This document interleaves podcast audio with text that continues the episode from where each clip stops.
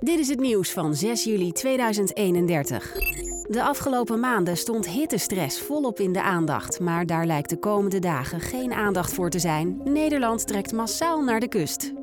Amersfoort is dit jaar het nieuwe Scheveningen geworden nadat de oude badplaats enkele jaren geleden echt onder water liep. Daarnaast is de kustlijn bij Sertogenbos afgezet na de vondst van vier aangespoelde potvissen. Het KNMI voorspelt de komende dagen temperaturen van 40 graden Celsius of hoger. Welkom bij de Crisis van de Toekomst. Ik ben Robin Rotman en in deze podcast van het Nederlands Instituut Publieke Veiligheid bespreek ik met deskundigen hoe in de toekomst om moeten gaan met verschillende scenario's waarin de crisis een hoofdrol speelt. Zijn wij daar wel klaar voor? Ook leiderschap vanuit de overheid naar burgers toe. Dat dat niet allemaal pijnloos zal gaan. dus daar moeten verschuivingen plaatsvinden. Dat schuurt en daar moet je met elkaar over in gesprek hoe je dat doet. Maar daar moeten echt dingen veranderen. Vandaag hebben we het over de klimaatcrisis. Te gast in deze podcast is Maarten van Aals. Hij is directeur bij het Rode Kruis Klimaatcentrum en hoogleraar klimaat en rampen aan de Universiteit Twente.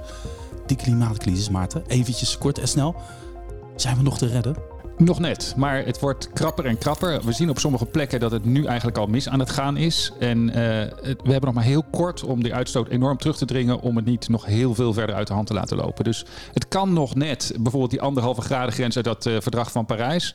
Maar dan moeten we wel veel ambitieuzer aan de slag dan we tot nu toe doen. Het is krapper en krapper. Elke aflevering neem ik vragen mee van jonge onderzoekers van het NIPV. Dit zijn de mensen die in de toekomst aan de touwtjes trekken. Dit zijn de mensen die in de toekomst deze crisis gaan bestrijden. En het gaat over hun toekomst. Dat nieuwsbericht wat je net hoorde. Uh, Amersfoort aan zee, kustlijn bij Den Bosch, potvissen, 40 graden Celsius. Het is een beetje karikaturaal, dat beeld wordt vaak opgeroepen, maar zit daar een kern van waarheid in?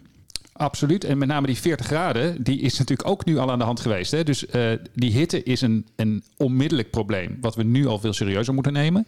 Uh, die kustlijn bij Amersfoort en Zerdogenbos, dat gaat wel wat langer duren. Maar goed, dat is wat ik net zei, hè? die anderhalve graden maakt daar dus heel veel voor uit. Als we dat niet halen, uh, dan wordt het kostbaarder en kostbaarder om onze huidige kustlijn te beschermen. En nou, veel verder weg uh, komt misschien die Amersfoort aan zee dan wel in beeld. Oké, okay, en uh, die tien jaar, of die misschien twintig jaar, maar de nabije toekomst. Dus geen science fiction. Kun je ons een beetje meenemen naar die tijd? Oké, okay, aangespoelde potvissen misschien niet. Ja, nogmaals, ik denk dat we niet heel ver de toekomst in hoeven. Dat we het eigenlijk nu al wel een beetje zien gebeuren. Hè? Dus die, die hittegolven, uh, ik weet niet of je die, die statistiekjes hebt gezien. De, de, de, grafiekjes waar iedereen naar zat te kijken tijdens COVID van die, die zogenaamde excess mortality de oversterfte mm -hmm. ten opzichte van hoeveel doden we zouden verwachten. En dan zie je prachtig die, die grote pieken daar langskomen van die, die extra doden door COVID.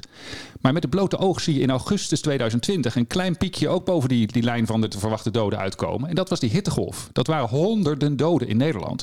Grotendeels te vermijden doden, maar door hitte. He, dus dat is echt nu al aan de gang. Tijdens hittegolven sterven er honderden Nederlanders. En als dat mensen zouden zijn geweest die door een overstroming zouden overlijden, dan hadden we dat een enorme crisis genoemd. Dan hadden we het totaal onacceptabel gevonden. Er vragen in het parlement geweest. Uh, dat, die, die, hitte, daar zijn we ons onvoldoende van, van, bewust. Dat is nu al een enorm probleem. Hitte is één ding. Oké. Okay. En uh, we hebben overstromingen in Limburg gehad. We hebben, we hebben valwinden. We hebben gekke dingen in het klimaat. Is dat ook allemaal onder het kopje klimaatcrisis? Of wat, wat, wat zien we nog meer voor symptomen? Ja, extreme regenval past er heel goed in. Uh, en, en daarin ook wel een beetje de verrassingen. Hè? Dus dat is denk ik ook een belangrijke. We hebben natuurlijk altijd over klimaatverandering nagedacht als een lange termijn en, en langzaam veranderend fenomeen. Mm -hmm. Dus uh, waar we eigenlijk al heel snel in Nederland zorgen over hadden, was die zeespiegelstijging. En dan krijg je 20 centimeter zeespiegelstijging. Nou, dan moeten we na gaan denken of we onze dijken 20 centimeter kunnen verhogen. Maar als we dat dan doen, hè, dat kost dan een paar miljard, maar dan zijn we weer terug op hetzelfde niveau van veiligheid. En dan hè, kunnen we er weer even tegenaan. Ja, daar kunnen we, dat, en dat, is ook, hè, dat kunnen wij als, als, als ingenieurs in Nederland, als dijkenbouwers, al sinds de middeleeuwen. Nou, toen kwam op een gegeven moment al de vraag daarbij, ja, maar wat dan met die extreme hoeveelheid regen die onze delta instroomt? Hè? Vanuit dat hele, uh, die, die, die, dat hele stroomgebied van de Rijn en de Maas en de Waal. Uh, kunnen we dat dan wel aan? Nou, toen was al snel de vraag natuurlijk eerst, kunnen we dat dan wegpompen naar die hogere, hogere zeeniveaus? Nou, dat moet je misschien grotere pompen aanschaffen. Maar ook op een gegeven moment, uh, als daar een grote piek langskomt, kan dat dan in het binnenland wel? Nou, toen kregen we ruimte voor de rivier. Hè? Dat is best een lastige switch al mentaal. Maar die hebben we in Nederland gemaakt. Hè. Dus, en daar zijn we ook internationaal trots op. Hè. Dat in Nederland is ervoor gekozen niet alleen maar hogere rivierdijken, maar ook bewust meer ruimte apart zetten. Daarmee ook mooie recreatiegebieden gecreëerd. Maar bij, bij de Maaswerken bijvoorbeeld heeft dat ons ook al gered in zekere zin in Limburg. Hè. Dus we zijn al een lager gelegen gebied waar het water iets meer ruimte heeft. Maar niettemin ten opzichte van, van Duitsland en België, waar ze natuurlijk echt doden te betreuren hadden uh, vorige zomer, hebben we in Nederland natuurlijk uiteindelijk de ergste schade weten te voorkomen. Mede omdat we al van tevoren geïnvesteerd hadden. Oké, oké waren we daar, met, daar trots op. Maar wat kregen we vervolgens een aantal zomers achter elkaar?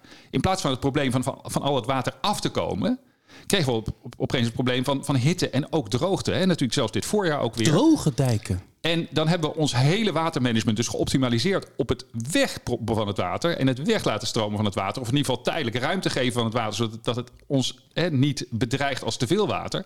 En opeens is het probleem te weinig water. En moeten we dus een systeem hebben wat zowel water kan vasthouden als van water af kan komen. Ja, dan voel je al wel een beetje aankomen. Daar komen op een gegeven moment ook trade-offs in beeld. Het kan niet allemaal tegelijk optimaal. Oké, oké. dus je schetst nu een situatie binnen de landsgrenzen van extreme hitte, uh, water dat van buiten naar binnen kan komen en water dat er al binnen is en hoe dealen we daarmee? Dat zijn een paar symptomen die jij schetst, maar er zijn natuurlijk ook als gevolg van uh, klimaatcrisis uh, dingen die buiten de landsgrenzen op ons komen. misschien wel klimaatmigratie, conflicten als gevolg van de droogte. Zie je, kun, je, kun je dat eens schetsen? Misschien uh, gezondheidsproblemen of zo? Heb je daar, kun je dat beeld eens een beetje schetsen?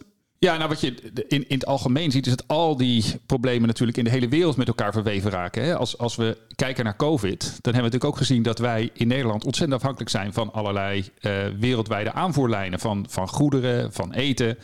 Uh, nou, in dat geval waren het dan de mondkapjes, maar er, komt van alles voortdurend. Hè. Um, een voorbeeld is bijvoorbeeld de, uh, het gebrek aan chips nu in de auto-industrie in Duitsland. Hè. Dat, daarvan denken we dat ligt met name aan nou ja, de, de, uh, de, de, supply chains in, uh, in COVID-tijden die minder soepel liepen dan eerst. Uh, en, en een boot die vast kwam te zitten in het Suezkanaal. Maar er zit ook een stuk droogte in Taiwan, waardoor de chipsfabrieken niet op optimale capaciteit hebben gefunctioneerd. Dus daar is een klein stukje klimaatverandering ook al in. Daar zit ook een klimaat Wat er dan dus voor, voor zorgt dat we in Duitsland niet genoeg chips aangevoerd krijgen. En daarmee dus hier de auto's niet kunnen produceren voor de Duitse automarkt. Nou, dat soort verwevenheid van, van de hele wereld wordt steeds groter. En dat dat zien we nu bijvoorbeeld met de honger in Oost-Afrika. Mhm. Die overigens ook de voedselprijzen in onze supermarkten beïnvloedt. Hè. Dat is wereldwijde graanprijzen. Dat is in eerste instantie dan bijvoorbeeld de Oekraïne. Hè. Uh, daarvan weten we allemaal. Rusland en Oekraïne waren twee van de grotere graanproducenten in de wereld. Die export ligt nu natuurlijk plat. Dus dat heeft een enorm effect op wereldwijde voedselprijzen. Maar er kwam vervolgens overheen dat in India ook een hele grote graanproducent, hadden we eigenlijk gehoopt dat die een soort buffertje zouden vormen voor die gemiste graanexport uit, uh, uit Oekraïne en Rusland. Nou, vervolgens weten allemaal wat er gebeurd is dit mhm. voorjaar in, in India. Een record hittegolf, ook heel vroeg in het seizoen. Waardoor de graanproductie daar enorm onder druk is komen te staan. En India heeft gezegd, wij willen ons graan voor onszelf houden. Dus een exportban heeft afgekondigd. Met als gevolg nog meer druk op die wereldwijde graanprijzen. En inmiddels dus hogere prijzen in Nederland, maar ook voedselcrisis in Oost-Afrika. Uh, doden in Oost-Afrika, waar we uiteindelijk vanuit Nederland dan humanitaire hulp uh, aan, aan, moeten betalen. Maar natuurlijk ook de instabiliteit die als al een oorzaak was van de hongersnood daar, hè, de conflicten in die regio zelf. Uh, ja, dat wordt natuurlijk niet beter als je dat soort vreselijke omstandigheden ziet. Ik heb een uh, vraag van uh, Jana Domroos van NIPV. En uh, volgens mij sluit hij hierop aan. Klimaatverandering is een creeping crisis, maar het kan zich wel razendsnel manifesteren. Hoe kunnen we burgers beter waarschuwen? Is even dat fenomeen van die klimaatcrisis als zijnde een creeping crisis. Wat is het nou eigenlijk voor een ding, zo'n creeping crisis? Het lastige is natuurlijk dat mensen hebben geen last van de stijgende CO2-niveaus in de, in de atmosfeer. Hè? Dus we verbranden al die fossiele brandstoffen en uh, veranderen ons landgebruik. En daarmee nemen die onzichtbare gassen in de atmosfeer toe. Dat is afzonderlijk geen probleem. Dat voelen we niet, merken we niet. Uh, we merken ook niks van de gemiddelde Hè, wat de, de, de, die anderhalve graden bijvoorbeeld uit het gedrag van, verdrag van Parijs. Hè, dat is een jaar gemiddelde wereldgemiddelde temperatuur. Die voelt ook niemand. En die anderhalve graden is minder dan het verschil tussen dag en nacht of tussen winter en zomer. Dus wat maakt, maakt dat dan uit, denken mensen dan al snel. Uh, en uh, het iconische beeld wat we hadden was ook vaak een beeld van de natuur die daar op hele lange termijn last van krijgt. Hè? Dus uh, een, een, ijsbeer op een smeltende ijsrots ergens in de, bij de Noordpool in 2100. Dat was het klassieke plaatje van waar we ons zorgen over moesten maken van klimaatverandering. Hm. Nou, wat, wat het echte probleem is, is dat we dat hele systeem, dat hele kwetsbare aardatmosfeersysteem nu eh, daar zijn we continu meer energie in aan het pompen. Hè? Dat wordt een soort dekentje waardoor, waardoor al die warmte vast blijft. En daarmee gaan dus allerlei andere dingen worden veel extremer. En dat, dat is waar we nu al mee te maken hebben. En daar zie je dus dat dat langzame opwarmen van die hele planeet... en die langzame toename van die broeikasgassen zich nu uit in meer verrassingen, meer extreme. Uh, en daar zijn we niet goed op voorbereid. En dat is nu eigenlijk het acute probleem wat, dat, wat die creeping crisis voor, veroorzaakt. Oké, dus er is een crisis die een beetje als een donkere wolk boven de markt hangt die niet eens misschien een soort eindpunt eh, meebrengt, tot een soort climax wat dan de crisis is. Hè? Een soort de, dijken die doorbreken zou dan de crisis zijn. Maar nee, er is een soort crisisgevoel, omdat uh, deze symptomen ervoor zorgen dat er eigenlijk steeds allerlei kleinere, en dat is heel relatief natuurlijk, crisis uh, aan het licht brengt. Bijvoorbeeld oorlogen, die, die natuurfenomenen, die, hitte. Dat is een beetje. Dus wij zitten te kijken naar een crisis die zich op verschillende snelheden tegelijk uh, manifesteert. Zeg dat goed zo? Ja, we zien dus nu de eerste verschijnselen van die creeping crisis in die extreme al terug. Uh, dingen als oorlogen, daar zijn we wel voorzichtig mee hoor. Want daar zitten natuurlijk een heleboel factoren die ertoe leiden dat het een oorlog wordt. En daar kan klimaatverandering dan één, één extra druppeltje bij zijn die, het, die dat dan verergert. En een heel belangrijke factor is dan ook dat de kwetsbaarheid heel erg verschillend is van plek tot plek. En dat is de kwetsbaarheid van ecosystemen. Hè. Dus we weten dat sommige natuurlijke systemen al veel vroeger dan andere heel veel last krijgen van die opwarming. Hè. De koraalriffen zijn natuurlijk het klassieke icoon ook. Bij die anderhalve graden weten we gewoon, die, die koraalriffen die, die gaan het dan al heel zwaar krijgen. En echt op grote schaal in de hele wereld. Dus alle koraaleilanden bijvoorbeeld, die maken zich al enorme zorgen. Als we die anderhalve graden grens overgaan, dan zijn die eilanden vrijwel verdoemd. Hè? Dat, daar is bijna niets meer aan te doen dan. Dus dat is, dat is Um, een, een, voorbeeld van een natuurlijk systeem. Uh, aan de kant van de menselijke systemen zien we dus dat we eigenlijk geoptimaliseerd waren voor een oud, oud klimaat hè, van, van een tijd geleden. Onze uh, standaarden voor hoe je een, een, landbouwsysteem optimaliseert of hoe je infrastructuur ontwerpt, zijn vaak gebaseerd op het gemiddelde klimaat van een tijdje geleden. Uh, en we worden dus nu vaker verrast door dingen die, daar, die buiten die bandbreedte vallen. Oké, oké, dit, dit vind ik dan interessant. Dus je schetst nu een soort de, de dynamiek van deze crisis. Uh, het is dus die creeping crisis. We, we krijgen te maken met elke keer nieuwe verschijnselen, nieuwe fenomenen. Dit is een project dat jaren duurt.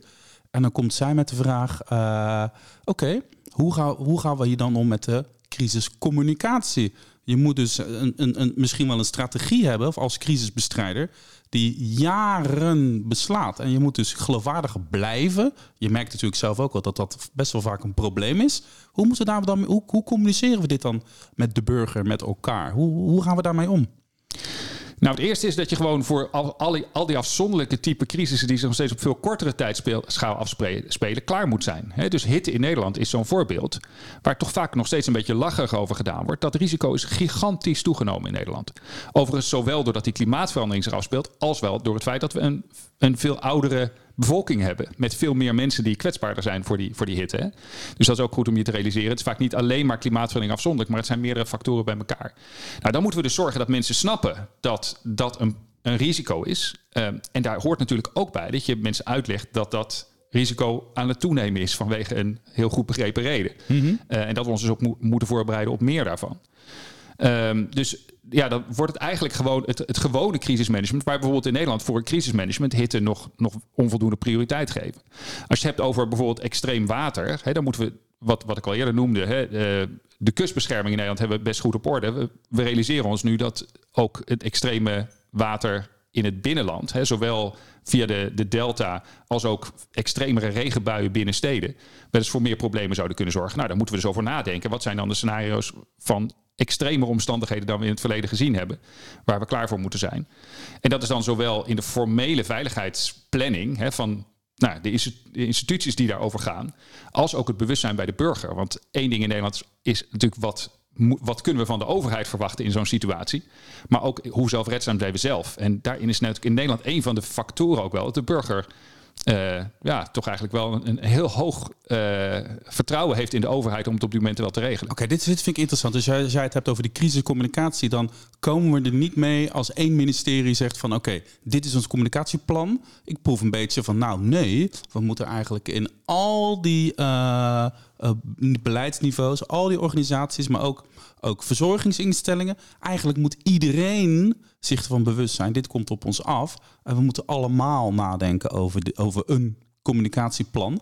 Is dat een beetje, wat, de vraag is hoe doe je dat dan? Hè? Dat vergt dus ook dat je communiceert over uh, specifieke dingen die voor individuele mensen uitmaken of die individuele mensen kunnen doen. Uh, in plaats van alleen maar een soort algemene doemboodschap van alle, al deze veiligheidsrisico's worden erger door klimaatverandering. Hè. Dat zou geen goed uh, spotje zijn van de nationale overheid om over alle burgers uit te storten. Maar dat is wel een beetje het gevoel dat ik heb de bankmakerij, hè, dat, zijn, dat, dat vind ik, dat, dat, dat, dat, dat proef ik een beetje. Dat mensen denken van ja, uh, ze, ze maken ons bang. Dat, dat is een beetje wat je krijgt, maar wat dan wel? Ja, dat doemdenken, dat, dat werkt over het algemeen niet. Aan de andere kant, er moet wel een zekere urgentie in mee, want de risico's stijgen wel degelijk. En dat kost dus ook, ook in Nederland al doden. Hè. Maar nou, een voorbeeld is bijvoorbeeld die hitte. Hè. Uh, daar wordt vaak lachen over aan, komt KNMI weer met een hittealarm. Ha, ha, hittealarm, eindelijk een leuke dag in het strand in Nederland. En dan komen ze ons weer waarschuwen voor hitte. en dan gaan ze ook zeker weer zeggen dat het allemaal aan klimaatverandering ligt. En we mogen ook niks. Ja, als je, als je het omdraait en zegt. Uh, denk eens na over de kwetsbare ouderen in jouw omgeving. Heb je een oudere buurvrouw of heb je een oudere oma? Mm -hmm die kan komen te overlijden als ze tijdens die hitte niet zes glazen water drinkt. Want het is vaak uitdroging die, uh, die een van de, van de doodsoorzaken is. Dus kijk nou even om je heen. Hè. Bereid je voor op die leuke dag in het strand. Maar kijk zelf ook even naar wie er last zou kunnen hebben van de hitte. En doe wat jij kunt om daar dan even het verschil te maken. En dat was in het verleden misschien niet zo nodig. Want dit soort extreme hitte hebben wij nooit eerder gezien in Nederland.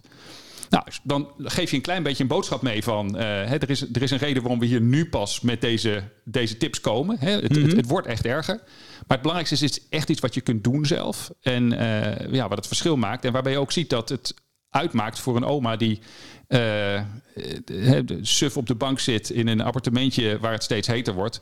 In verhouding tot jou, jouw eigen leuke dag aan het strand. Oké. Okay. Daar kunnen mensen zich dan ook in verplaatsen. Oké, okay, dit snap ik. Maar nu heeft een vogeltje in mijn oor gefluisterd. Dit klimaatprobleem is een wicked problem. Wat zoiets betekent als het is versnipperde regie. De kennis is versnipperd. Het is een heel complex speelveld.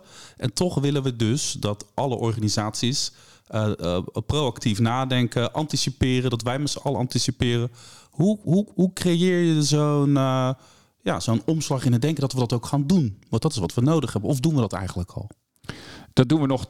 Dat, het begint meer en meer te komen, maar we doen het te weinig en te weinig ambitieus. het moet sneller en, en grootschaliger.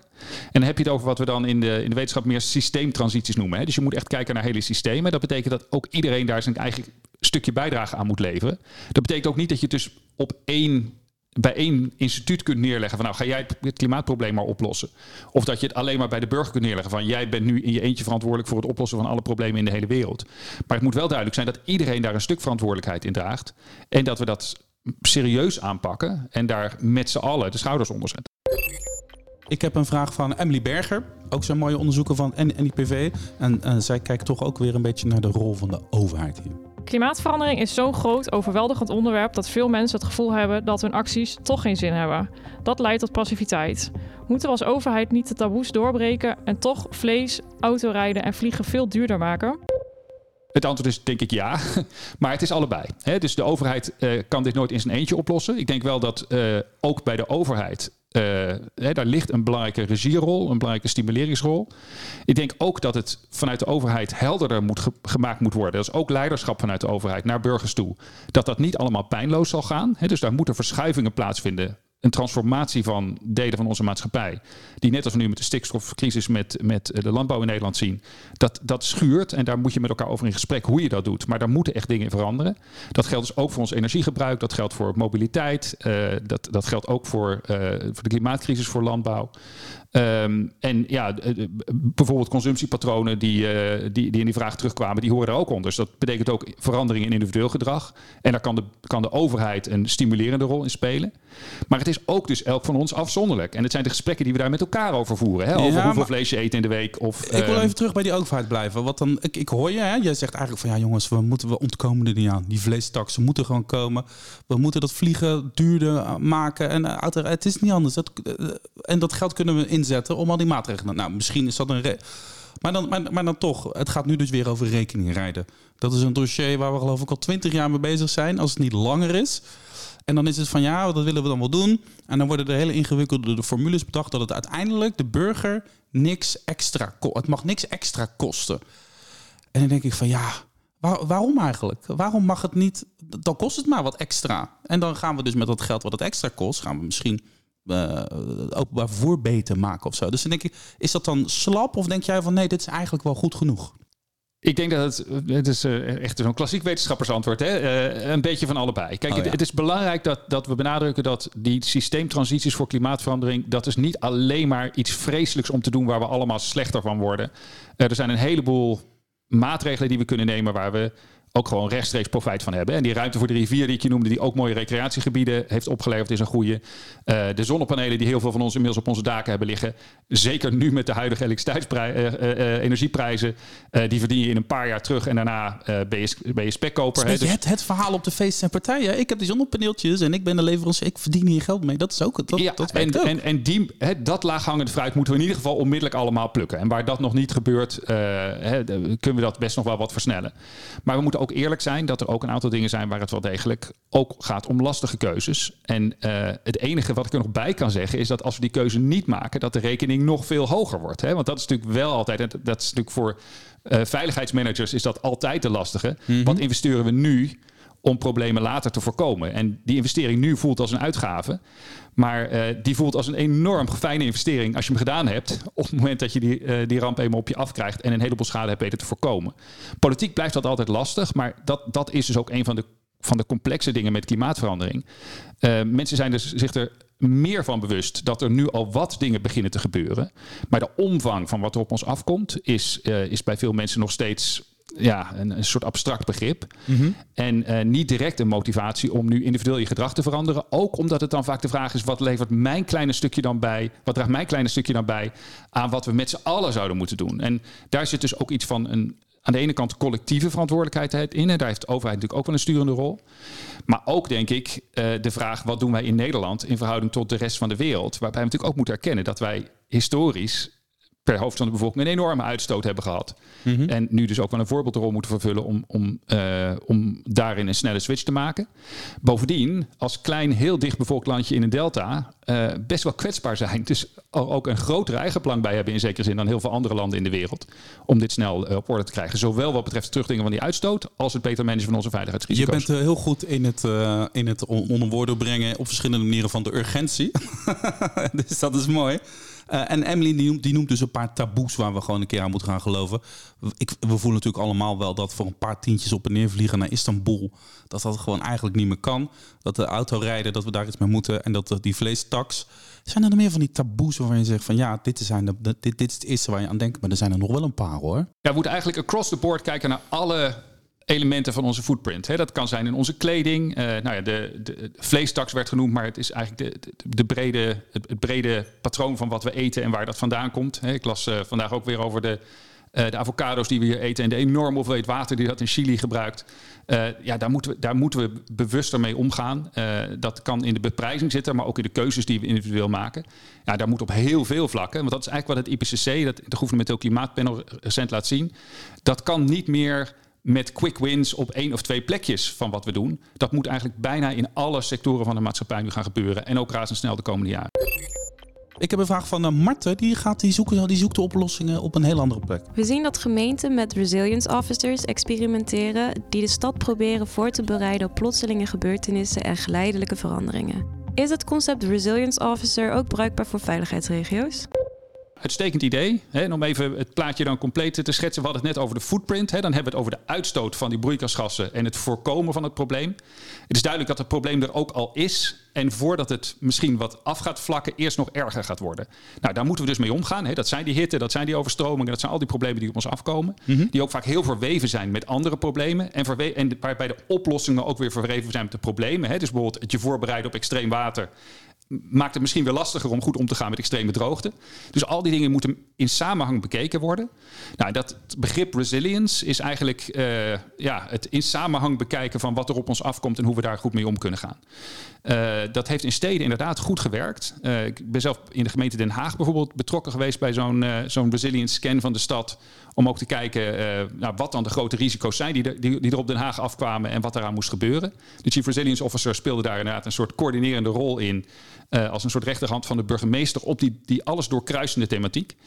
En ik herinner me bijvoorbeeld in de eerste gesprekken dat we heel erg uh, om tafel zaten met wat, wat, dan de usual suspects waren in dit soort veiligheidsvraagstukken. Hè. Dus er stonden, het ging overigens wel heel breed. Hè. Dus ook uh, cybersecurity zat ertussen, hè, wat als alle gemeentesystemen van de IT uitvallen. Maar dus inderdaad ook klimaatverandering. En de grote zorg was onder andere dus inderdaad extreem water. Nou, er zat bijvoorbeeld de brandweer aan tafel. Hè. Hebben we groot genoeg pompen om de viaducten leeg te kunnen pompen? Ehm, de stedenplanners zaten aan tafel van moeten we onze infrastructuur anders ontwerpen om minder viaducten te hebben die vol kunnen gaan lopen of zo. Hè? Dus er werd heel, heel erg gedacht in eerste instantie vooral in water. En, in, in, en, en daarbij dan vooral de, de technische oplossingen. Hè, zijn onze pompen sterk genoeg, bij wijze van spreken? Zijn, zijn onze bruggen goed, goed gebouwd? Wat snel bleek is dat hitte een, een ononderkend probleem was. Dat dat eigenlijk een veel grotere uh, factor was dan, dan mensen intuïtief meteen dachten. En vervolgens gingen ze scans doen. Waar zat dat hitteprobleem dan? Dat bleek in de Schildersbuurt het allerergste zijn van heel Den Haag. Hè? De meest kwetsbare buurt eigenlijk van de stad. Ah. Vervolgens bleken de subsidies om de stad groener te maken... wat een goede manier is om die hitte te verminderen... bleken vooral naar de villa-wijken te gaan. Want daar weten mensen hoe ze subsidies moeten aanvragen. Vinden ze het fijn als er mooie groene bomen in de straat staan. En in de Schildersbuurt wilden ze bijvoorbeeld... Een, wat nu een stenen pleintje was, helemaal niet tot een parkje maken. Want daar konden s'avonds uh, criminele hangjongeren komen hangen. Daar kwamen mensen met een hond die daar uh, ging lopen schijten. En dat werd allemaal, allemaal maar een zooitje. Dus wat je eigenlijk nodig had... En, en bovendien, wat er misschien nog bij kwam, om even het plaatje compleet te maken. Um, het bleek de, de, de meest kwetsbare groep ook voor de impact van die hitte. Dus een relatief lage levensduur voor de rest van de stad. Uh, hoge uh, ziektes die uh, de impact van hitte groter maken. Bovendien niet iedereen Nederlands als eerste taal. Dus lastiger te bereiken bijvoorbeeld met die hittewaarschuwingen. Dus om allerlei redenen een hotspot waar je, waar je wat aan moest doen. En wat je daar dan nodig hebt is een gesprek in zo'n buurt. Okay, dus zijn dat, we ons bewust van die risico's. En dus die zo'n resilience officer die, die brengt dan op dat moment bijvoorbeeld de directeur van de sociale dienst van de gemeente aan tafel. En die gaat het gesprek aan. Oké, okay, wat, wat voor gesprek moeten we nu in die gemeente hebben? En dat is in dit geval dus niet een technocratische oplo oplossing van je stedenplanners, maar is meer een gesprek vanuit uh, het sociale domein. En zo kan je zo'n resilience officer op eigenlijk op alle niveaus, misschien op provinciaal niveau, op, op veiligheidsregio niveau. Uh, op landelijk niveau. En dat zijn dan de mensen die gaan zeggen, die zeggen van ja, we, we, we weten wel dat uh, de auto of het vliegtuig niet oké is, maar wat betekent het heel concreet hier in het hier en nu op deze plek een praktisch en die persoon die kan dan de mensen erbij halen. En die kan dan de, de verzorgingshuizen wijzen op de hitte. En die kan ervoor zorgen dat iedereen zijn steentje dan een beetje bijdraagt. Dat een soort olievlek. Wat, je kan dit probleem niet bij één iemand neerleggen. Is dat dan een beetje wat zo'n resilience officer kan doen? Ja, en, en vanuit de veiligheidsregio specifiek. Met de het uitgangspunt van wat er moet gebeuren als een crisissituatie zich voordoet. Daar zijn die veiligheidsregio's natuurlijk bij uitstek voor verantwoordelijk, maar ook goed in om dat in kaart te krijgen. Mm -hmm. En als je, met die, die, als je dus ten eerste in de veiligheidsregio's je scan ver, ver, versterkt van wat voor risico's uh, je kunt krijgen. Dat zijn zowel wat je kunt verwachten, maar ook de, de, de grotere hoeveelheid verrassingen waar we rekening mee moeten houden in een veranderend klimaat. Niet alles komt perfect uit de modellen. We moeten ook beter voorbereid zijn op nou ja, bijvoorbeeld twee problemen tegelijk. Hè? Is ook zoiets. Uh, wat, wat gebeurt er als, er als er meerdere type rampen kort na elkaar gebeuren? We zijn vaak heel erg lineair vanuit één type probleem aan het denken. Nou, als je al dat in beeld hebt, kun je beter voorbereiden op die noodsituaties. Maar bij die noodsituaties moet je vervolgens ook nadenken. Wat zijn dan precies de kwetsbaarheden waar we mee te maken hebben als zo'n klimaatgerelateerd extreem uh, zich voordoet. Hè? Dus als die hitte komt, uh, bijvoorbeeld in de gemeente Den Haag, is het dan de Schildersbuurt. En zo ja, wat moeten we dan op dat moment doen dat zo'n hittealarm afgaat, bijvoorbeeld hè, van het KNMI? Wie moeten we dan bereiken? Bereiken we die ook? Wat zijn de maatregelen die we dan moeten nemen? Maar ook, als je dat in beeld hebt, waar schieten die maatregelen op dat moment misschien tekort? En moeten we dus op langere termijn agenderen om een aantal van die risico's te verminderen. Bijvoorbeeld de stad groener te maken. Nou, vanuit de veiligheidsregio, vanuit het crisismanagement gedacht. Hè, de veiligheidsregio gaat, gaat waarschijnlijk niet zelf die bomen planten in de Schildersbuurt. Maar vanuit het nadenken over wat je tijdens een crisis moet doen en waar je op voorbereid moet zijn, kun je ook agenderen wat er meegenomen moet worden door een heleboel anderen voor de langere termijn. Ja, dus Mart heeft een goed, goed punt. We kunnen zo meer anticiperen op maat, zal ik maar zeggen. Ik wil even terug naar uh, Jana. Hoe geven we jongeren een plek aan de crisistafel, zodat ook hun belang meegewogen wordt in de besluitvorming? Ja, essentieel. Ik denk dat, dat jongeren over het algemeen creatiever zijn, zich meer bewust zijn van wat er op ons allemaal nu al afkomt, maar nog meer op hun generatie de komende decennia. Want het, dit gaat echt erger worden voor het, uh, voor het, uh, het stabiliseert of beter wordt. Um, dus ja, ik pleit er altijd voor om, om jongeren bij dit soort processen mee te laten praten. Uh, zowel creatieve ideeën in te laten brengen van waar ze zich zorgen over maken, maar in het bijzonder ook wat, wat type oplossingen kunnen zijn. Oké, maar dit is, het, dit is het waarom. Je vindt het belangrijk, maar nu is het het hoe. Wat gaan, we, wat gaan ze dan doen? Uh, kunnen ze misschien een rol spelen? Het lijkt mij wel aardig om die jongeren te koppelen aan die resilience officers. Of misschien jongeren te bombarderen tot resilience officer. Of in ieder geval daar. Want dan heb je de, de, de, de, de ogen in de samenleving. die daadwerkelijk met de andere mensen voor oplossingen gaan zorgen. Is dat een misschien een manier, het hoe? Of misschien moeten ze aan tafel zitten bij de, waar de overleggen plaatsvinden? Ja, dat zou je op alle niveaus moeten doen. Dat, dat doen we overigens in het klimaatverdrag. Hè. Bijvoorbeeld uh, vanuit Nederland gaat er een jongere vertegenwoordiger mee naar die VN-onderhandelingen. Maar het is eigenlijk interessant dat we dat dus wel doen voor de Nederlandse vertegenwoordiging op globaal niveau, maar niet altijd doen op lokaal niveau, waar heel veel van die besluiten uiteindelijk hun uitvoering moeten krijgen. Dus wat mij betreft zou er op al die plekken een jongere aan tafel uh, moeten zitten. Um, om een voorbeeld te geven uit, uit het Internationale Rode Kruis, uh, waar ik dus zelf een, een, deel van mijn werk doe, daar is uh, klimaatverandering een van de, van de topprioriteiten voor de komende tien jaar. Dus daar erkennen we dat dat nu al onze noodhulp raakt, maar ook een belangrijke opgave is om ons beter voor te bereiden en in het algemeen te agenderen dat er risico's worden verminderd. Ook daar is dat aan de ene kant dus omarmd door het leiderschap, de directeuren van alle nationale Rode Kruisen, die dat ook weer met hun nationale overheden bespreken. Maar juist ook vanuit de jongeren in al die nationale Rode Kruisen is het een heel belangrijk thema. Zowel bijvoorbeeld om te weten wat je moet doen. Het zit nu in de eerste hulptrainingen dat mensen ook voorbereid worden op, uh, op hitte. Hè, wat in het mhm. verleden niet in het standaardpakket zat. Hè. Dan leerde je wel hoe je een gekneusde enkel moest uh, verbinden of hoe je iemand moest reanimeren. Maar niet hoe je hittestress kon herkennen.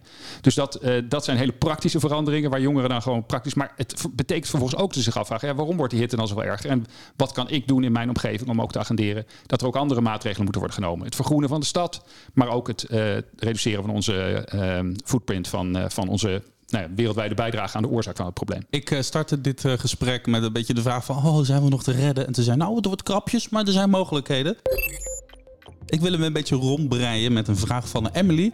En uh, die ga ik uh, voorleggen aan uh, Maarten van Aalst, de minister van Klimaat. Hoe voorkomen we dat we verzanden in passiviteit en hoe houden we optimisme en hoop op een goede afloop? Daar stel je ook een lastige vraag voor iemand van het Rode Kruis, die natuurlijk altijd politiek neutraal moet zijn. Dus wij adviseren graag de politiek.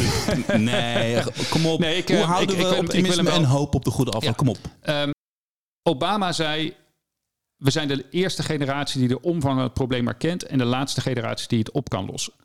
En uh, ik denk dat het gevoel van urgentie nu groter is dan het ooit geweest is. En ik denk dat de wetenschap laat zien dat de mogelijkheden er nog zijn om dat probleem aan te pakken. Zowel om de oorzaken nu zodanig terug te dringen dat we de ergste scenario's van continue doorgaande temperatuurstijging en dus alle rampen die dan om ons af zouden komen nog te voorkomen. Maar ook om veel effectiever om te gaan met de rampen die nu al op ons afkomen. En ja, dat is een hele spannende transitie die we ingaan, waar dus ook heel veel energie uit gaat komen. En een van de voorbeelden die, om dan ook nog maar even in de Amerikaanse context te blijven, die, die daarbij wel genoemd wordt, is uh, de, uh, de Tweede Wereldoorlog. Waar Amerika in eerste instantie natuurlijk toch best wel lang best afwachtend was. Hè, van ja, is dat niet een Europees probleem? En uh, we hebben de Eerste Wereldoorlog hebben we ook al heel veel gedoe in de hele wereld. Moeten wij ons daar nou mee gaan bemoeien? Nou, er kwam op een gegeven moment natuurlijk Pearl Harbor. Dus je kunt ook zeggen, ze werden met de neus op de feiten gedrukt. Dat is in zekere zin met klimaatverandering ook al aan de gang. Hè. We zijn eigenlijk al, we hadden veel, als we puur rationeel hadden gehandeld, hadden we al veel eerder ingegrepen. We voelen nu allemaal aan de lijve dat klimaatverandering echt heel erg begint te worden. Maar vervolgens hebben ze de knop omgezet. En hebben ze eigenlijk hun hele economie ten dienste gesteld van het nou ja, uiteindelijk overwinnen van, uh, van Nazi-Duitsland. En dat zouden we met klimaatverandering ook moeten doen. We moeten nu de knop omzetten. Dan kan er een transitie plaatsvinden die uiteindelijk nou, in dit geval in de Tweede Wereldoorlog leiden tot de overwinning van de geallieerden. In het geval van klimaatverandering tot de transitie die nodig is om ergere risico's te voorkomen en de huidige risico's het lijf te gaan. Deze jonge onderzoekers zijn betrokken bij de samenleving. Zij gaan aan de knoppen uh, draaien in de toekomst. Uh, jouw generatie gaat een wereld voor hen achterlaten. Tot slot, tips voor deze uh, jonge vrouwen die straks uh, de boel over gaan nemen? Ambitie en urgentie en, en communicatie. Dit gaat niemand apart in zijn eentje oplossen. Dit moeten we met alle burgers, alle lagen van de overheid, alle sectoren in de overheid samen gaan doen. En ik denk dat juist de veiligheidsregio's misschien wel als, als eerste in staat zijn om de urgentie van die gezamenlijke aanpak te onderstrepen. Dus uh, schreeuw dat van de daken. Dankjewel Maarten van Aalst. En dankjewel ook Emily Bergen, Marten Lusink en Jana Domroos voor jullie mooie vragen. Luister ook de andere afleveringen in deze serie, de crisis van de toekomst, terug. Uh, ga je voor naar de website van het NIPV of je favoriete podcast app. En ook in die aflevering komen Emily, Mart en Jana weer met de goede vragen. Dus tot de volgende keer. Dankjewel Maarten. Graag gedaan.